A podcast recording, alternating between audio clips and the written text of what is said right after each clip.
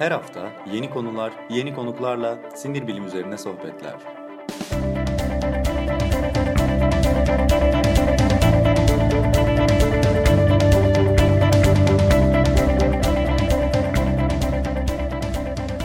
Neuroblog Podcast başlıyor.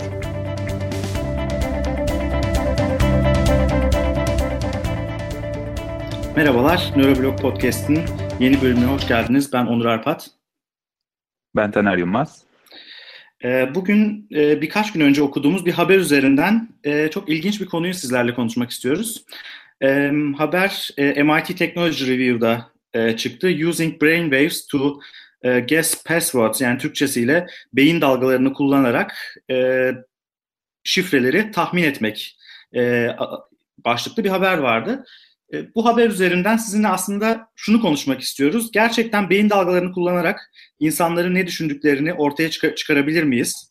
Ee, ve daha önemlisi belki banka şifrelerini bulup zengin olabilir miyiz? Yani bunu birileri yapacaksa herhalde bizim yapmamız gerekiyor diye düşündük Taner'le ve bunu sizinle konuşmak istedik. Ee, Taner yapabilir miyiz sence böyle bir şey? Güzel olurdu aslında şifre bulmayı mı bu konuyu konuşmayayım ben o kısmı şey yapamadım ama doğum günleri ise eğer bunu bulmak herhalde daha kolay olur diye düşünüyordum sen şimdi bahsederken. Yok ben daha daha ziyade şifre bulmak üzerinden gidelim diyordum yani çünkü sonuçta paranın kaynağı orada.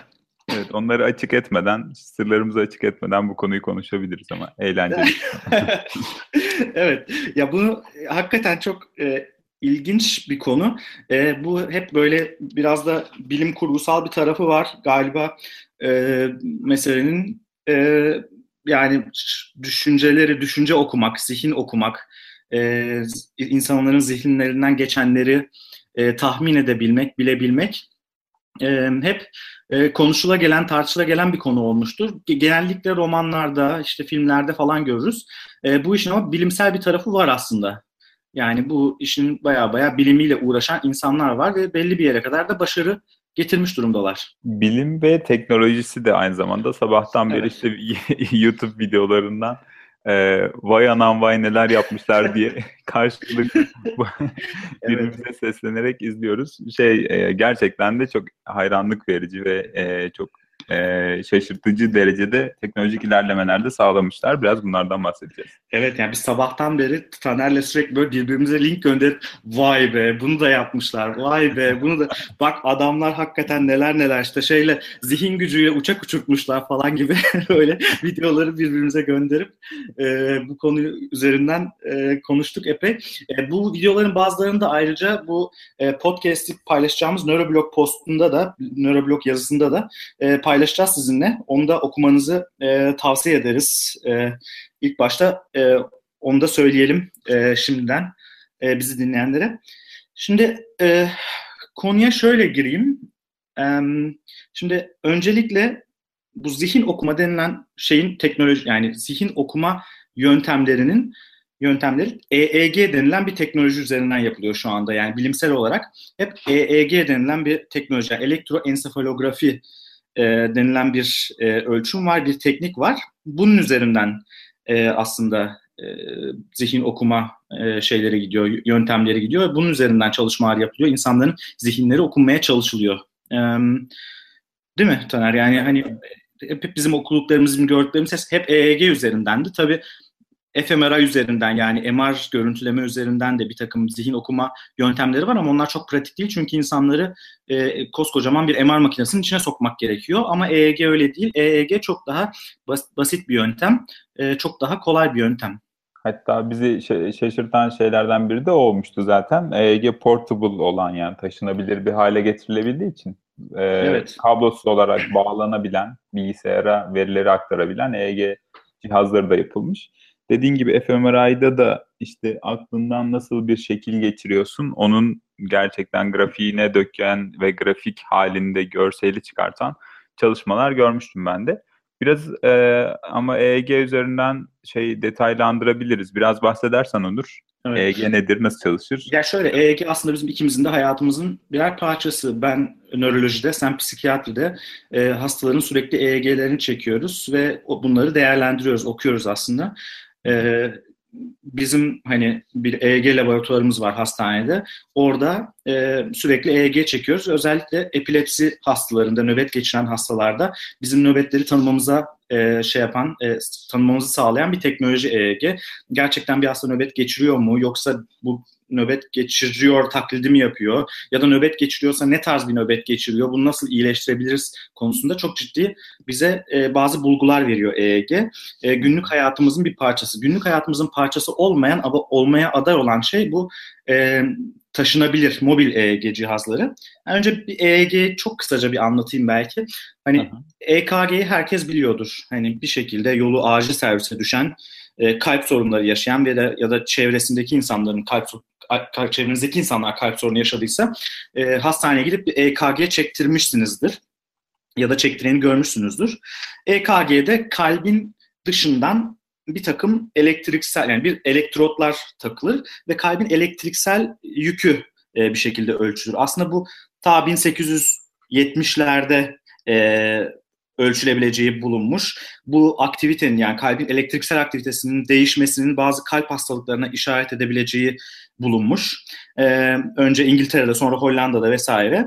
E, çünkü mesela kalp krizi demek çoğunlukla kalbi e, kanla besleyen damarlardan birinin tıkanması sonucu kanın ulaşamadığı bir e, yani kansız kalan bir kalp kasının çalışamaması demek.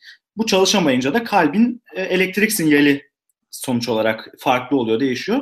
Ve bu elektrik sinyallerin, kalbin elektrik sinyallerinin değişiminden bir insanın kalp krizi geçirip geçirmediğini görebilmek e, mümkün. Hatta kalp krizi geçiren insanın hangi kalbinin hangi bölümünde bu kalp krizinin olduğunu bilmek mümkün. Bunu bilen, bunu e, gören e, bir takım psikiyatrlar, nörologlar ta 20. yüzyılın başlarında demişler ki kardeşim kalpte bu yapılıyorsa biz beyinde de aynısını yaparız. E, hatta işte bu ilk yapan kişi Hans Berger diye bir nörolog. Burada benim oturduğum yere çok yakın bir yerde. evet, Efendim? Sizin oralı gibi duruyor. Bizim oralı. Hakikaten bizim oralı. Şöyle ki e, yani benim bulunduğum yere şu anda işte bir 60 kilometre falan civarında Coburg'da e, doğmuş ve orada çalışmış bir insan. Yena Üniversitesi'nde daha sonra çalışıyor. Diyor ki ben bu kalbe yapılan şey EKG neyse ben bunu beyne de yaparım diyor. Nasıl olsa beyin de hani elektriksel etkinliğini ölçerim deyip EEG'yi buluyor. Belki bilmeyenler için şunu da söylemek gerekiyor. Yani beyin e, elektrikle çalışıyor. Yani elektriksel sinyallerle, elektrokimyasal sinyallerle çalışıyor. E, bayağı hani hatta ölçenler bir şekilde bunun yani tahmini olarak 20 wattlık falan bir ampul e, şeyinde bir enerji kullandığını falan söylüyorlar e, beynin. Yani elektrokimyasal e, bir sistemle çalıştığı için beyin hakikaten de hani doğru akım bir şeyi var. Elektrik sinyali yayıyor be, beyin e, dışarıya. Ve bu elektrik sinyalleri de ölçmek mümkün.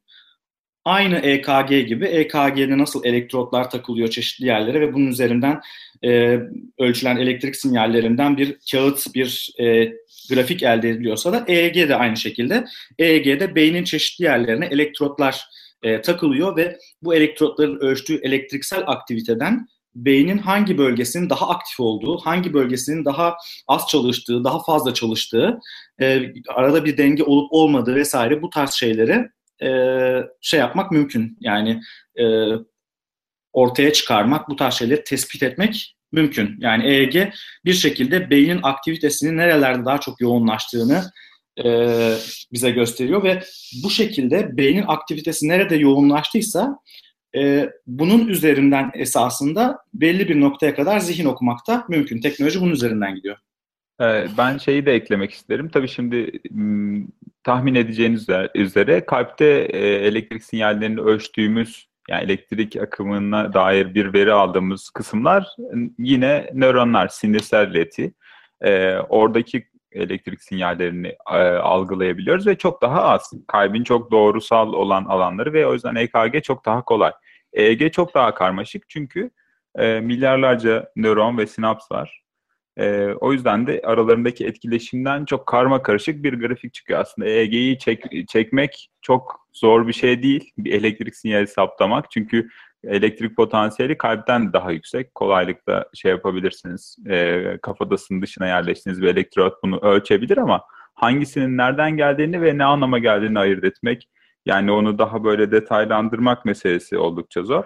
E, aslında tek hücre kayıtları gibi şeyler de var. Yani direkt eğer beynin içine girip oraya bir elektrotu saplarsanız bir nörona ya da nöron grubuna o zaman çok daha net biçimde bu nöron şu anda çalışıyor, çalışmıyor, sinyal aldı, sinyal verdi gibi bir ölçüm yapabilirsiniz. Tabii bu invazif yani böyle bir ameliyat ve girişim gerektiren bir yöntem olduğu için çok da pratik değil.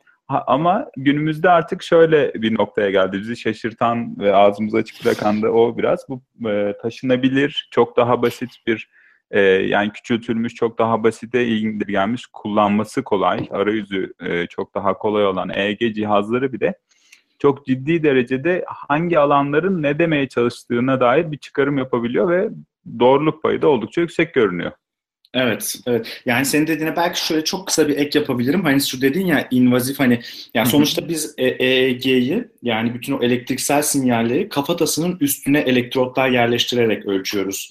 Ve kafatasının üstüne elektrot yerleştirmek demek bu elektriksel iletiyi e, indirekt bir şekilde almak demek. Doğrudan alamamak demek. Çünkü arada kafatası var yani deri var, kemik var e, yani arada bağ dokusu var. aynen öyle kemik var. Arada e, dura denilen bu beyin kılıfı var vesaire.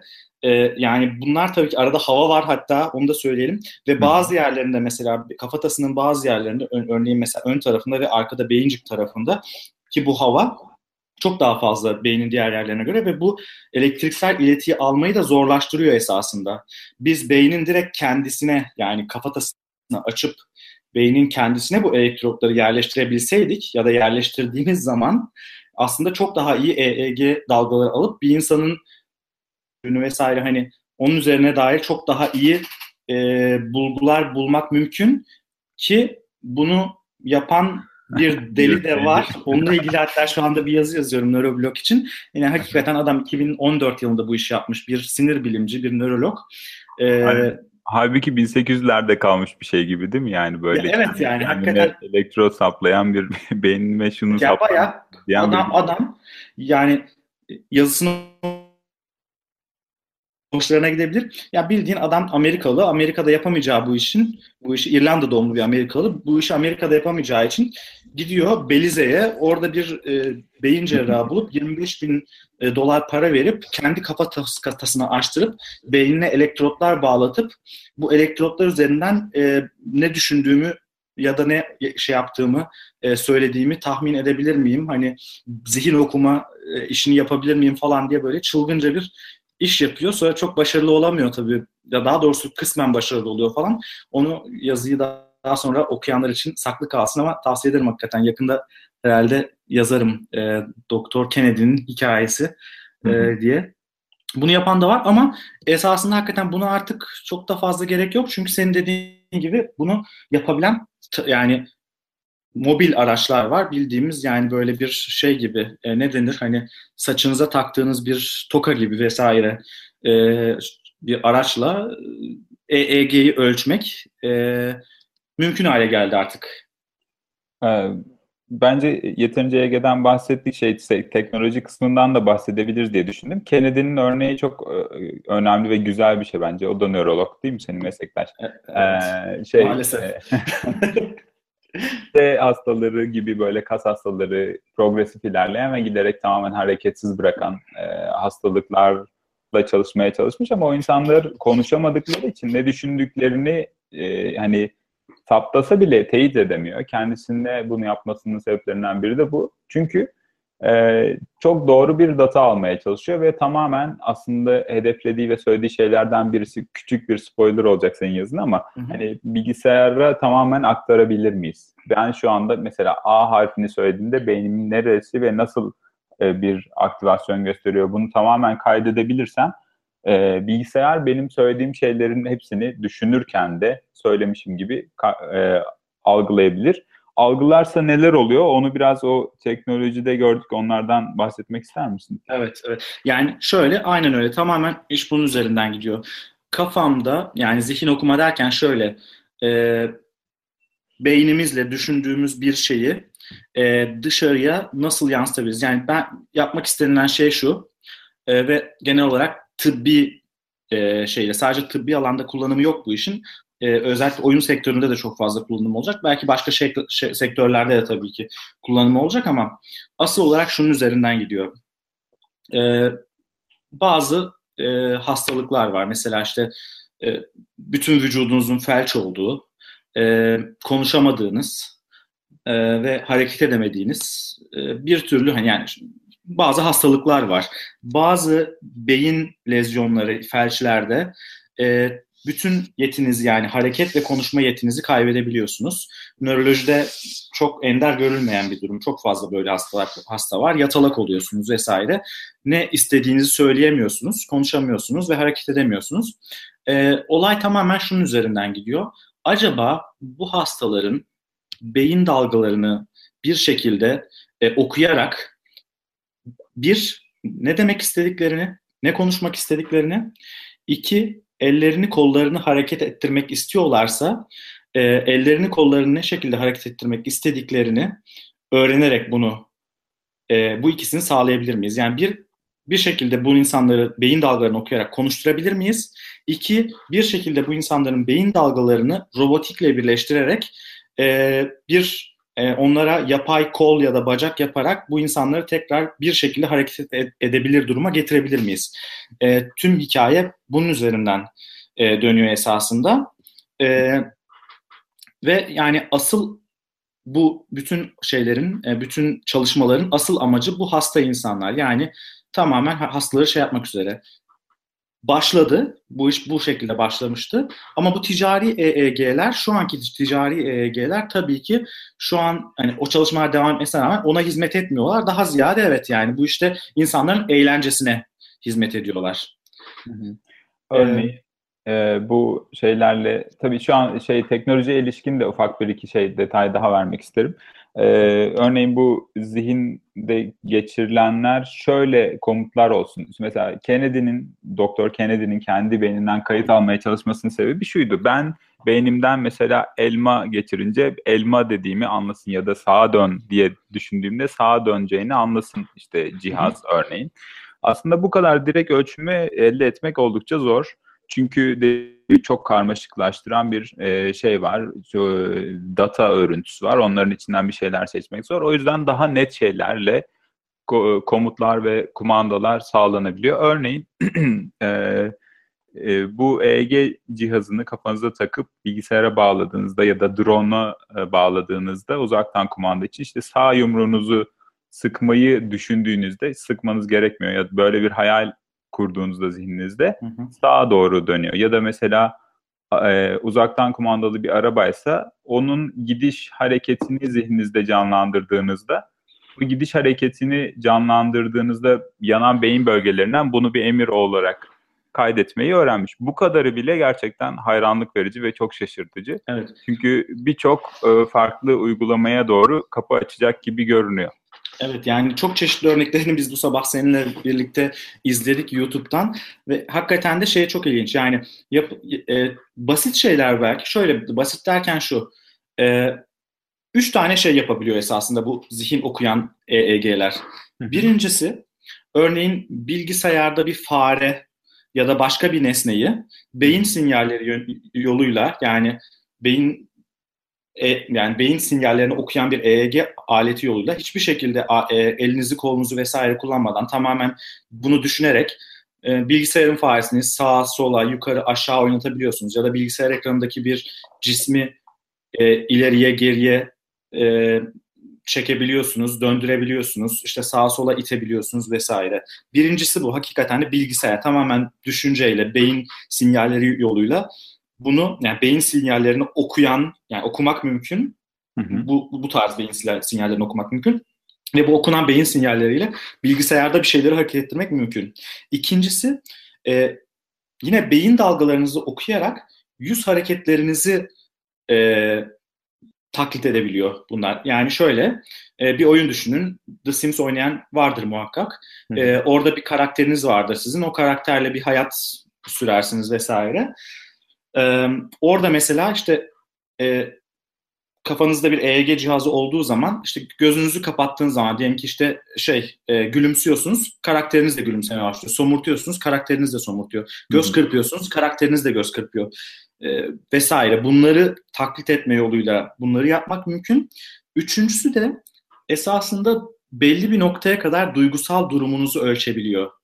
Hı. Yani mesela ne kadar heyecanlısınız, ne kadar rahatsınız vesaire gibi e, bunların belli grafiklerini çıkararak yani beyindeki dalgaları okuyarak sizin duygusal ya da duysal durumunuzu bir şekilde şey yapabiliyor ki bu da e, meditasyonda mesela kullanılabiliyor. Hani bilmiyorum artık ne kadar hani var mıdır e, biz dinleyip meditasyon yapan insanlar ama ne kadar rahatladığınızı ölçebiliriz aslında EEG'de meditasyon üzerinden. Çünkü rahatladığınız zaman ortaya çıkan beyin dalgaları heyecanlı olduğunuzda ya da e, bir şekilde endişeli, kaygılı olduğunuz zamanki beyin dalgalarından farklı olduğu için bunu ölçebilmek mümkün ne kadar rahat olduğunuzu. Üç tane farklı şey hizmet ediyor netice olarak bu e, ticari EEG'ler. Ama mesela bunlar hakikaten oyun sektörü için mesela çok önemli. Hakikaten şeyi e, YouTube videosunda izledik mesela e, Counter Strike tarzı yani buna şey deniyor galiba first person shooter e, tarzı oyunlar e, deniyor. E, bunu bu oyunları mesela sadece beyin dalgaları, beyin üzerinden yani o dalgaları kullanarak oynamak ve rakiplerinizi bir nevi düşünce gücüyle otomatik silahlarla tarayıp öldürmek mümkün.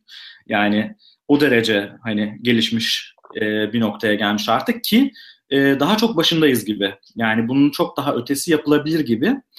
E, tabii ki belirli bir şeyi var, belirli bir e, sınırı var. Çünkü dediğimiz gibi ölçümle ilgili bazı zorluklar var. E, data ile ilgili bazı zorluklar var. Datayı işlemekle ilgili bazı zorluklar var. E, bunlar çok basit şeyleri sadece şey yapabiliyor. Yani işte kafanızdan e, işte çok derin bir felsefi e, makalenin bir cümlesini geçirdiğiniz zaman zihninizden ki işte elektrik dalgalarını e, alıp bunu ortaya çıkarmak mümkün değil. Şifre ee, okuyorlarmış hocam. evet yani şu an tahminin oldu. evet evet. Yani e, potansiyel olarak esasında şifre okumak e, zor. Yani şöyle zor. E, tamam eğer çok fazla bu EEG cihazını ta- taktırıp hatta biraz daha gelişmiş belki EEG cihazların e, taktırıp insanlara e, şeylerle ilgili, rakamlarla ilgili çok fazla alıştırma yaparsanız ve bu sinyalleri toplayıp ha bu rakam geldiği zaman bu insanın aklına şöyle bir sinyal veriyor. Başka bir rakam geldiği zaman şöyle bir sinyal veriyor. Bunlar birbirinden farklı. Bunların datasını doğru bir şekilde işlerseniz eğer belki de bir şekilde e, şifreleri bulmak mümkün. Ama şu anki teknolojiyle bunu yapmak mümkün değil yani. Onu da açık açık söylememiz gerekiyor belki de. Ee, buna ilişkin son herhalde son e, birkaç şey var atlamadan söylememiz gereken. Ben önce şeyi soracağım sana. Hawking de kullanıyordu. Stephen Hawking fizikçi ünlü. Onun da evet. kullandığı bir arayüz var. Çünkü onda ailesi hastası ve e, hareket edemiyor. O da işte bir şekilde konuşuyor. O nasıl oluyor hocam? Orada da aynı şey yok muydu? Evet. Ya Hawkins'in Stephen Hawking'in şeyi biraz farklı. E, örneği biraz farklı. o daha eski bir model. 90'lı yıllarda Intel tarafından geliştirilmiş bir model. Yani daha eski model derken o da işe yarayan bir model sonuçta ama onun yaptığı şey şu. Onun bir klavyesi var. E, bir şeyi var. E, ne denir onda da bir ekranı var. Orada e, çeşitli harfler var. E, Stephen Hawking hala şeyi e, yanağını oynatabiliyor kısmen. E, ve o harfi hani belli harfleri seçiyor söylemek istediği e, şeylerle ilgili o, o dönen şeyden o, e, durduruyor daha doğrusu yani yanağından gönderdiği sinyalle durduruyor istediği harfin üstüne geldiği zaman e, o fare ve birkaç tane harf yazdığı zaman nasıl T9 klavye ya da herhangi bir şekilde kullandığımız e, şey telefonlarımızdaki klavye tahmin eder kelimeyi. O kelimeyi tahmin ediyor. Sonra ard arda kelimeli, kelimeleri hani e, şey yapıyor, sıralayıp cümleler oluşturuyor ve o e, mekanik olarak ok- okunuyor hani bir bilgisayar programı şeyiyle. Stephen Hawking'in şeyinde e, onun e, programında EEG beyin dalgalarıyla falan okuma yok. O daha eski bir sistem. Bu arada bu yapılıyor. Bu artık rutin rehabilitasyon işleminde bayağı yapılan bir şey. Burada yakın bir yerde Bad Schaffelstein diye bayağı büyük bir re- rehabilitasyon hastanesi var. Yani 300 yataklı falan tamamen adamlar bunun üzerine çalışıyorlar. Yani inme geçirmiş ya da işte Lactin sendromlu vesaire e, felçli hastaların rehabilitasyonu için uğraşıyorlar. Bu Stephen Hawking'in e, kullandığı sistem ciddi ciddi yani rutin yapılabilen bir şey ama tabii çok daha il- ilkel, çok daha e, iptidai bir şey e, o yapılan. Bu beyin dalgalarıyla yapılan yap şey yapılabilirse, geliştirilebilirse çok daha tabii e, şey olacak yani e, ileri bir şey olacak gerçekten. Bunun üzerine ben de şey söylemek istiyorum. Biraz daha gelecek projeksiyonları neler e, olabilir diye. Bu teknolojide bizi heyecanlandıran şey şu. Evet mesela Stephen Hawking'in kullandığı gibi rehabilitasyon çalışmaları, göz hareketleri vesaire var. Hani insanların o e, hareketleri en son kısıtlandığı için çok uzun süre bunu kullanabiliyor karşı hastalarda örneğin. E, ya da sesli komutlar vesaire de var ama bu şöyle bir şey aslında biraz daha e, fütüristik bir düşünceyle beyni e, bir şekilde bilgisayar arayüzüne direkt bağlama ihtimali veren bir şans. Bunun iki türlü e, şeyi var, önemi var. Birincisi EEG cihazlarının bu kadar küçük taşınabilir ve ucuza üretilebilir olması çok geniş biçimde, çok geniş örneklemlerde data toplanmasını sağlayacak. Bunu daha önce e, şeyde konuşmuştuk birazcık hani bilgisayarlar, machine learning, o derin öğrenme meseleleri kısmında. Çünkü bilgisayarların öğrenebilmesi için çok sayıda örneğe ihtiyaç var. Yeterince örnek olursa gerçekten de harfleri de rakamları da ayırt edebilirler belki de. Ee, ikincisi bu şekilde bir direkt öğrenme e, şeyi e, direkt daha hassaslaştıkça daha e, ince detayları e, kaydedebilir hale geldikçe bu kez şey olacak. Yani e, gerçekten de tam beynin tam bir simülasyonunun kaydedilmesi gibi bir olasılık verebilir.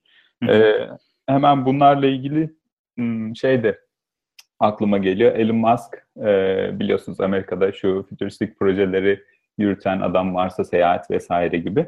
E, Elon Musk şey diyor hani bizler zaten bir e, simülasyonun içinde yaşıyoruz. E, bunun olma ihtimali çok yüksek diyor ve aslında onun bahsettiği e, simülasyona giden yol da birazcık buradan geçiyor diyebiliriz. O yüzden heyecan verici. Evet. İlla bir simülasyonda yaşıyor olmamız ya da illa simülasyona e, dökülmesi gerekmez ama bu ihtimali getirebilecek bir arayüzden bahsediyoruz. E, insanın zihninin arada bir fiziksel e, ileteç olmaksızın, kas hareketi, konuşma, ses olmaksızın zihnini aktarabileceği bir arayüz gerçekten bu açıdan da heyecan verici. Bunlar bilgisayara dökülebilir ve yeterince bu bütün sinapsları işte yüz milyarlarca sinapstan bahsediyoruz insan beynindeki. Simüle edecek bir e, bilgisayar ortamı eğer dizayn edilebilirse o zaman artık kendimizi bilgisayarda hani zihnimizi bilgisayara upload edip orada yaşamaya adayız. Evet değil mi? Yani o da o da belki ileride konuşabileceğimiz konulardan bir tanesi. Onunla ilgili bir e, Black Mirror bölümü de vardı. Evet, evet. Şeyde. Hakikaten o da ilginç konularda bir. Bu, arada Elon Musk e, sektöre girdi. E, sinir bilim şeyi e, e, şeyi Neuralink diye bir e, şirket kurdu. Evet e, bahsetmiştim. Ona da hayırlı uğurlu olsun diyoruz. Çelenk falan göndermek gerekecek. Daha resmi açılış şey olmadı galiba. Ağustos'ta kurulmuş şirket ama 2016'da şey de diyebiliriz. Bizi dinliyorsa Elon Musk'a da buradan selamlarımızı. buradan selamlarımızı iletiyoruz. Ya ilginç, şöyle ki ilginç.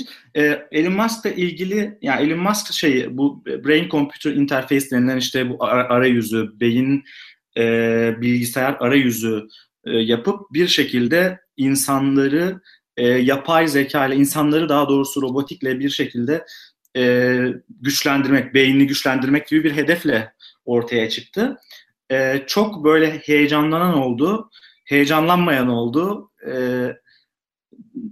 Elon Musk'ın sinir biliminin düşündüğü şeylerin çok naif olduğunu düşünenler oldu. Ama öte yandan Elon Musk, Elon Musk olduğu için yani düşünsene roketleri uçuran, e, sürücüsüz arabaları yap, yapan bir şey girişimci yani.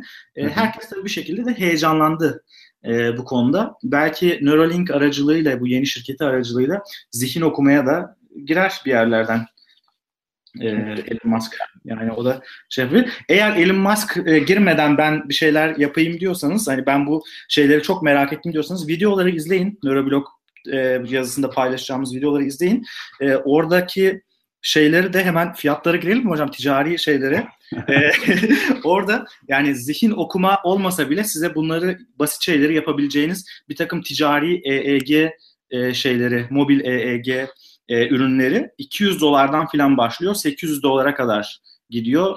Birkaç bin, yani 3000 dolara kadar falan cihazlar var ama hani te- temelde temel şeyleri yapabileceğiniz, farkı olmayan yapabileceğiniz cihazlar böyle 700-800 dolar civarında. Tabii kimse 800 dolara beynini okutmaz yani o kolay değil yani o şey değil. Ama is- istiyorsanız hakikaten bunlar var, sipariş edilebiliyor. Hatta bu ara anneler gününden dolayı indirim de var.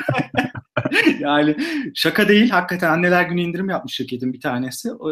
İlginiz varsa bunları internetten çok rahat bulabilirsiniz.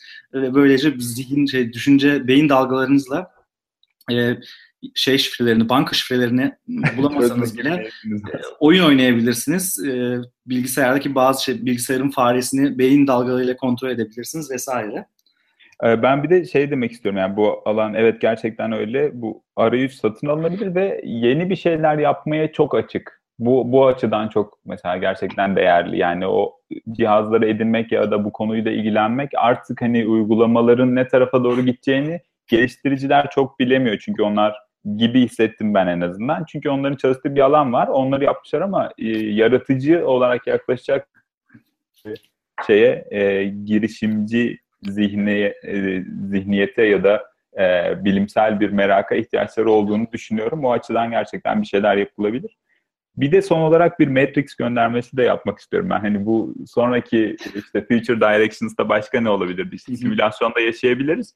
Simülasyonun ikinci kısmı da şey olurdu herhalde. Zihni okumak gibi. Buna eklenecek olan bir e, zihne bu hani okuyabildiği sinyalleri bir de geri iletebilen TMU ya da transkranyal magnetik uyarı ya da transkranyal magnetik stimülasyon denilen e, çeşitli yöntemler var. Onlar henüz çok kaba tabii ki hani bir tek alanda bir tek şey yaratmaya çok e, yakın değiller. Ama yine de böyle eklentileriyle ileride hani bir de bunu e, hayal edebilir ya da üzerine spekülasyon yapabiliriz. Oldukça eğlenceli şeyler çıkacak gibi duruyor karşımıza. Özellikle evet. oyunların bazılarında birazcık buna yakın şeyler yapmaya çalıştılar. Daha çok o virtual reality gözlükleriyle gibi. Ee, ama hani bu EEG sistemiyle e, birlikte senkronize çalışan bir şey olursa gerçekten Matrix'e bir adım daha yaklaşmış e, hissedebiliriz kendimizi diye düşünüyorum.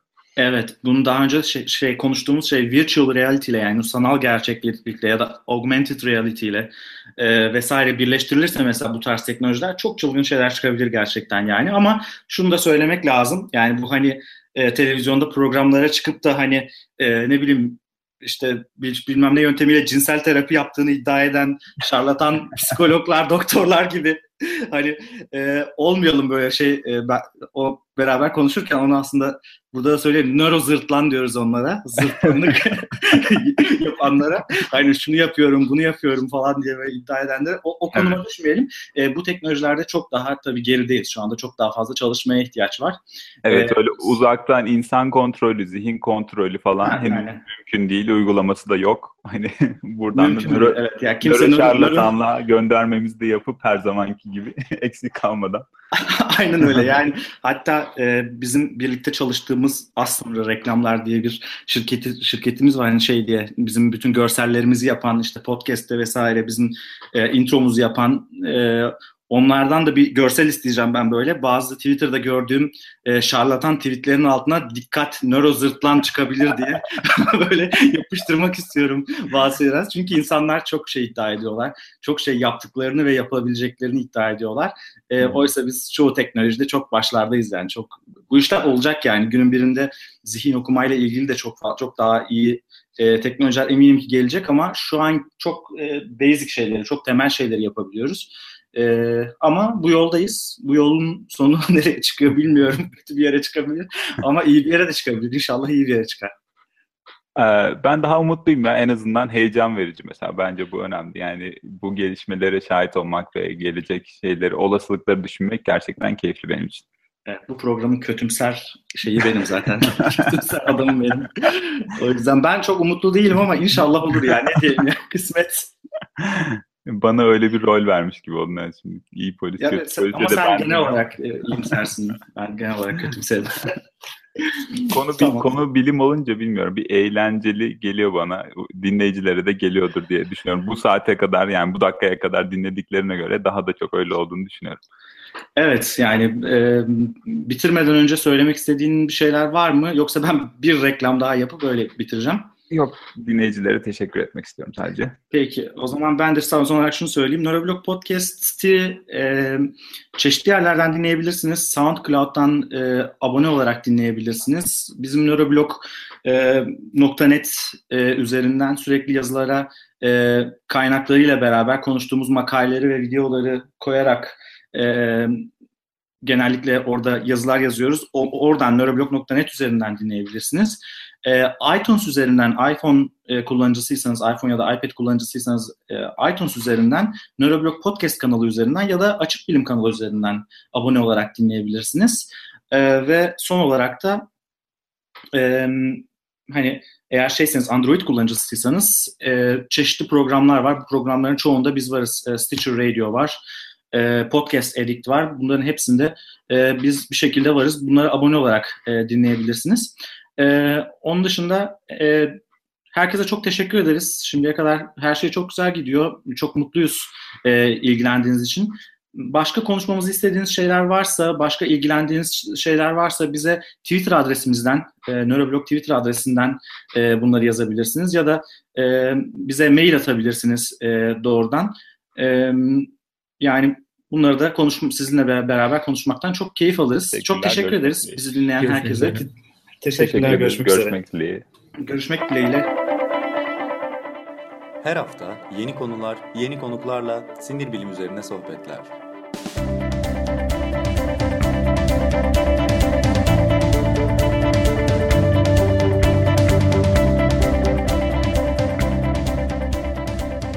Neuroblog Podcast sona erdi.